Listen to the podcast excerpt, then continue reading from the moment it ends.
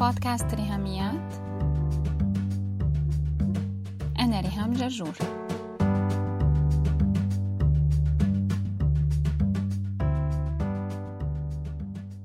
مرحبا. هوم سكولينج أو التعليم المنزلي مصطلح يمكن معظمنا يكون سمع عنه خلال العشر سنين الأخيرة لما صار مألوف أكتر بالبلاد العربية وبدأ يزيد عدد العائلات يلي عم تتبناه.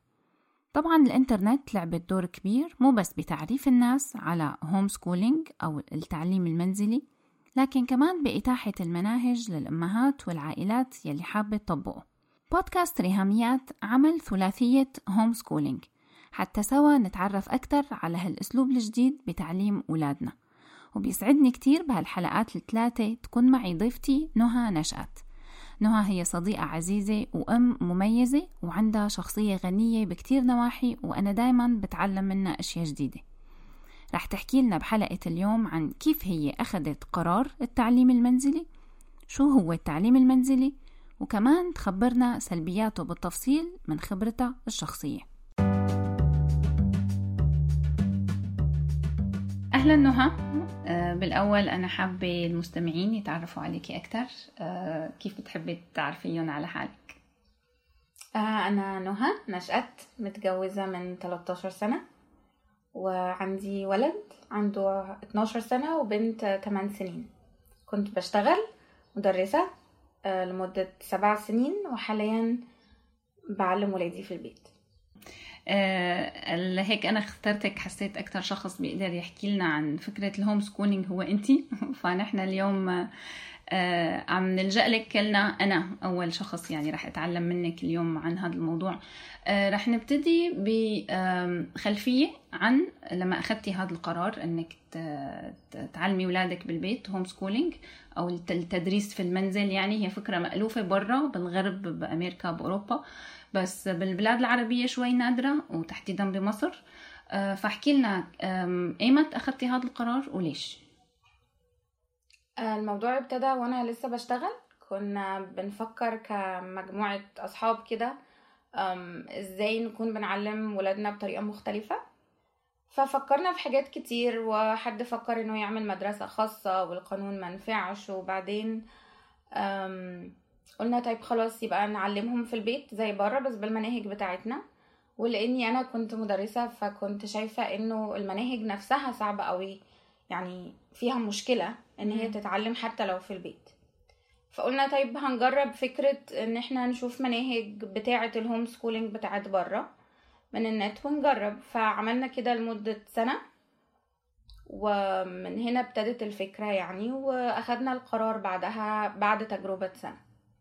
يعني خلال هالسنة سحبتوا أولادكم من المدارس ولا كان لسه ما سجلتوهم بالمدرسة؟ لا أول سنة كل اللي كانوا موجودين ما كانوش متسجلين في مدرسة يعني ابتدينا وهم تلاتة تلاتة ونص.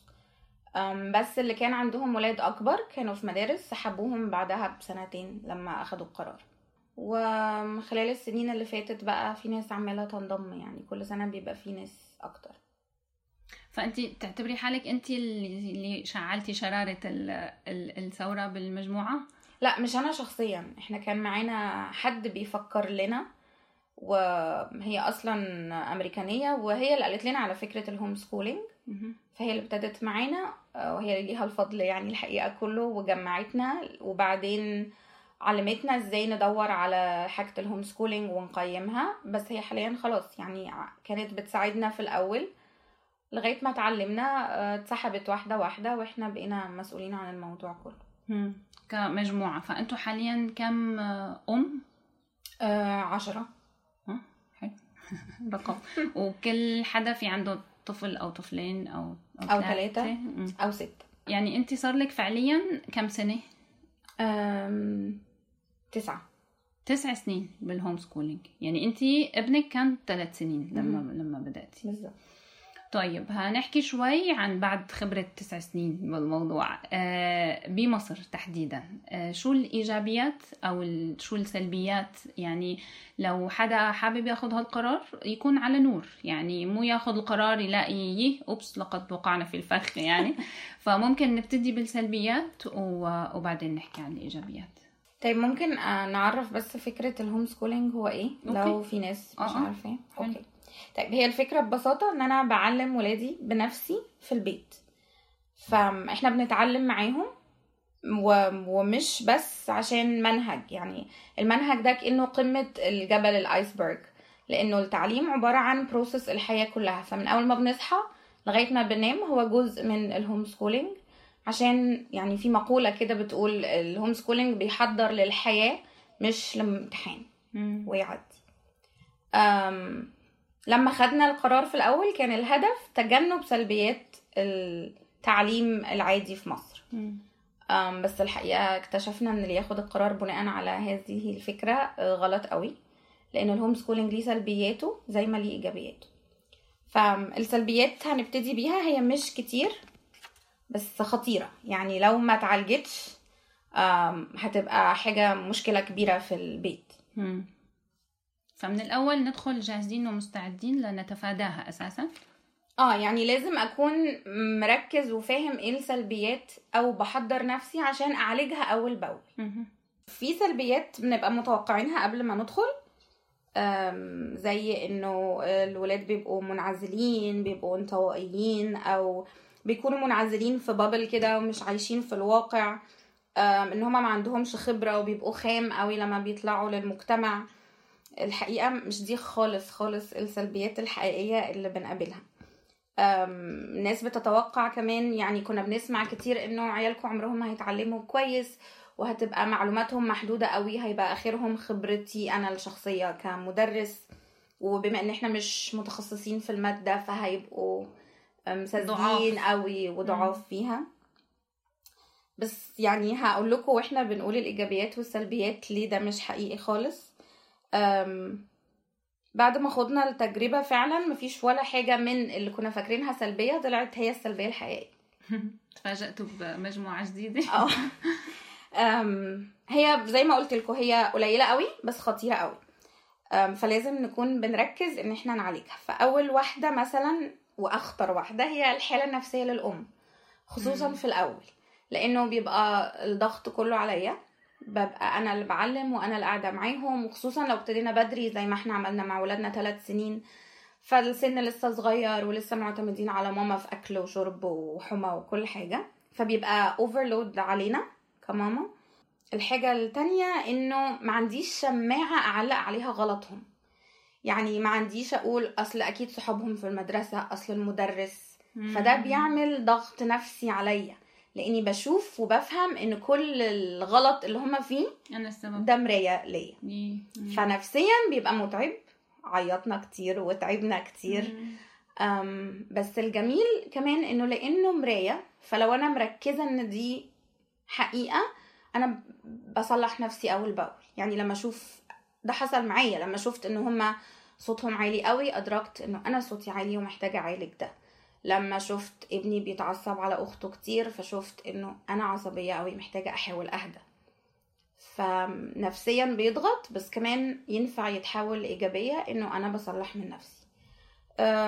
حتة إن أنا على طول معاهم دي بتتعالج إنه لو أنا من الأول عارفاها هبقى بطلب من جوزي من مامتي من صاحبتي.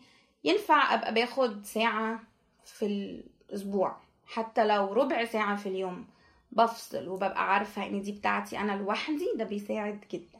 break يعني أنا أنا آخذ break بالظبط كده. جدد طاقة أشحن.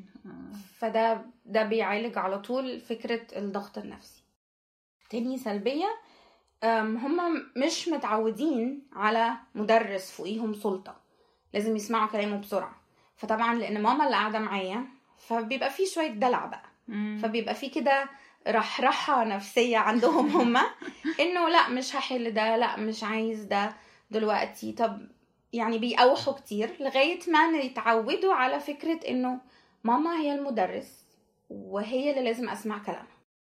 ده بيتعالج بإن هما يعرفوا إنه ماما مش بمزاجها ماما عندها جدول بتعلمني إزاي أمشي عليه. بس محتاج من الماما كمان إن هي تبقى مصرة ومقررة إنه هتمشي صح. مفيش المرونة بتاعت إنه حسب مزاجه. لكن في المرونة بتاعت إنه لو تعبان بجد لو ماما تعبانة بجد بناخد بريك أو بنأجل حاجة مفيش مشكلة. بس لازم يكون في نظام ستريكت وواضح علشان ما يبقاش فيه المقاوحات دي لأنه محتاج يتعلم الطاعة. وده بيخلينا من الأول خالص بركز إني أكون قبل ما أبتدي فكرة المدرسة أعلمه الطاعة في ساعتها. من حقه يناقش ويقول رأيه بعد ما يسمع الكلام مش قبل. يعني أنا محتاجة انضباط ذاتي انضباط شخصي. وهذا كمان كمراية بينعكس إنه هم بيبقوا منضبطين وملتزمين لأنه أنا ملتزمة بالمناهج وبجدول زمني وبشيتات معينة. يعني رح نحكي فيها بعد شوي أكيد ما هيك؟ بالضبط بالضبط. السلبية الثالثة زي ما بيبقى في رحرحة في حالتهم النفسية كده علاجها الالتزام برضو بيبقى في رحرحة في المواعيد لأنه مفيش حد فوق دماغي مفيش عقاب مفيش جرس هيرن مفيش مدير هيوقفني. فبنسحب براحتنا شوية بنقاوح في المواعيد شوية فستيل برضو ده علاجه بس الالتزام وده بيعلمني أنا كمسؤولة الالتزام أكتر بكتير. عن الراحة العادية أو عن الالتزام برا. يعني الميزة الكبيرة إنه بيحولنا لناس ملتزمة عشان إحنا عايزين نتعلم الالتزام مش عشان فوقينا حد. فالشخصية بتبقى شخصية ملتزمة. بتاخد تدريب وصعبة بس بتنجح.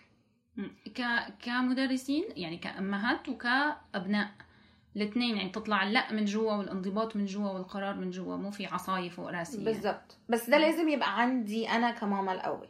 وهنشوف كمان في في خطوة بعد كده إنه ده لازم يبقى عندنا كعيلة اتجاه عيلة للالتزام. لأن هم مهما قلنا لو مش شايفينه فينا مش هيعملوه. ده في أي حتة مش بس ال home schooling فال home schooling محتاج انضباط أعلى مني لأنه أنا مفيش مدير فوقي أنا مديرة نفسي. فمحتاج أنا أتعلم الالتزام ولما الولاد بيشوفوا ده واحدة واحدة بيلقطوه بيبقوا هم نفسهم شخصيات ملتزمة. اي ما انت قاعدة بالبيت مع أولادك شو عم تعملي؟ لا ما في زيارات ما في تليفونات ما في بالزبط. يعني جو البيت نفسه الشقة يعني يكون آه وبنصحى في ميعاد وبنذاكر في مكان معين ولازم نغير هدومنا مش هنقعد نذاكر بالبيجامة علشان إحنا نفوق علشان يكون عندنا جدية. آه طب حلوة. يعني معلش حتى لو يمكن رح يبين طلعنا عن الموضوع شوي. يعني امشي معنا خطوات يومكم كيف بيكون. يعني إحنا بنصحى مثلا سبعة ونص. أوكي.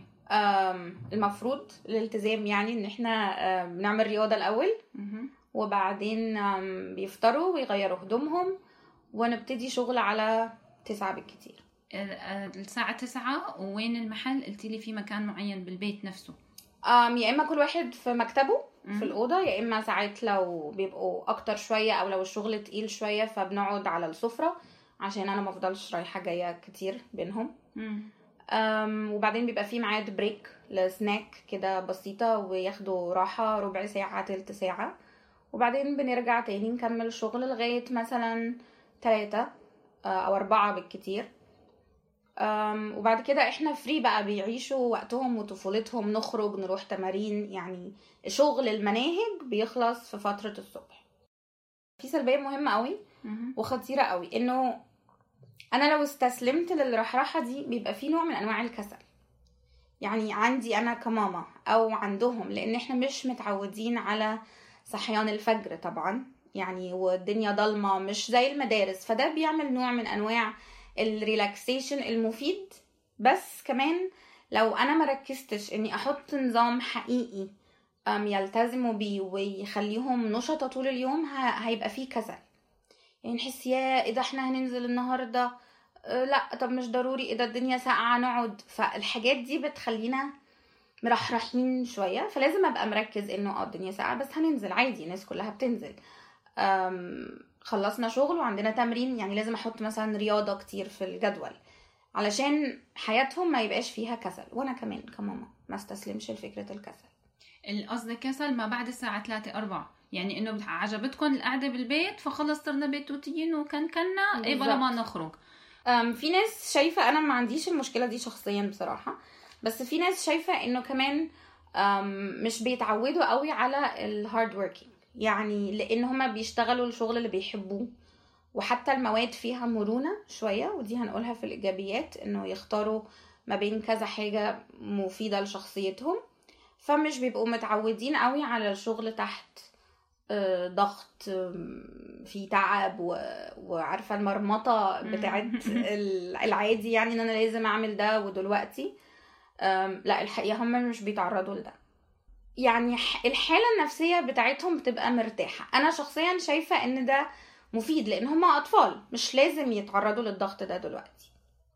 فانت مصنفتيها إيجابية بس في ناس بيحسوها سلبية شوي يعني تمام. ما في تحدي ما في هيك شط ومط يعني لقدراتهم. يعني قدرتهم على الشغل تحت الضغط بتبقى أقل شوي أوكي. الضغط الزمني والضغط العدم استمتاع يعني كذا نوع من أنواع الضغط تبع الطفولة طبعا. يلي بتحطه المدارس ف... فهني محميين منه إن صح التعبير يعني. بالضبط. محميين منه. كمان مثلا حتى في التمارين عندنا في مصر مثلا العادي إن المدرب بيزعق. فإحنا اولادنا بياخدوا صدمة بقى شوية. لأن هم مش متعودين على الزعيق على صوت لما عالي. بعد المدرسة بعد ال homeschooling بينزلوا تدريب. football مثلا. مثلا. آه فبيجي ال coach بال football بيروح بيزعق فبيتخضوا الأولاد. فبيتخضوا في الأول. آه. يعني إحنا قعدنا أول سنتين كده مخضوضين قوي ومش بيحبوا يروحوا التمرين لغاية ما ابتدوا يفهموا. طبعا زعيقة الماما بنزعق بس بتبقى مختلفة خالص لما حد غريب بيعمل كده. بس كمان أنا شايفة إنها بتديني أنا نوع من الإيجابية إني بروح أقول له من فضلك ابني مش بيتعامل بالزعل فما تاخدوش إنه ستيريوتايب كده لازم تكون بتزعق في كل الولاد. يعني أنا عملت كده مرتين وهم قدروا ده. يعني في ناس بتزعق عشان فاكرة إن ده الأسلوب. بس أنا بشوفها فرصة إن إحنا نكون بنعلم حتى في الناس اللي حوالينا حوالينا إنه مش هو ده الأسلوب. ينفع نكون بنتعامل بشكل مختلف. بالحلقة الجاي رح نتعرف مع نهى على الإيجابيات الرائعة والكتيرة للتعليم المنزلي. كلنا بنتعلم نعيش صح وده في حد ذاته بيقرب العيلة قوي لبعض زي البذرة الصغيرة بتطلع الجدر بتاعها وتبتدي تنبت في شالية صغيرة. بعد شوية بنقلها في شالية أكبر بعد شوية بحطها في الأرض. لو عندك أي سؤال بتحبي تبعتيه لنهى ممكن تكتبيه برسالة واتساب على الرقم 020 12 12 2 70 74 4 وما تنسوا موعدنا صباح كل جمعة مع حلقة جديدة من بودكاست ريهاميات. شكرا شادي بهاء على ال sound editing لو بتحبوا تتواصلوا معي فيكن تبعتوا لي إيميل على ريهاميات at gmail.com r i h a m i a t at gmail.com أو على الفيسبوك تابعوا هاشتاج ريهاميات. سلامات.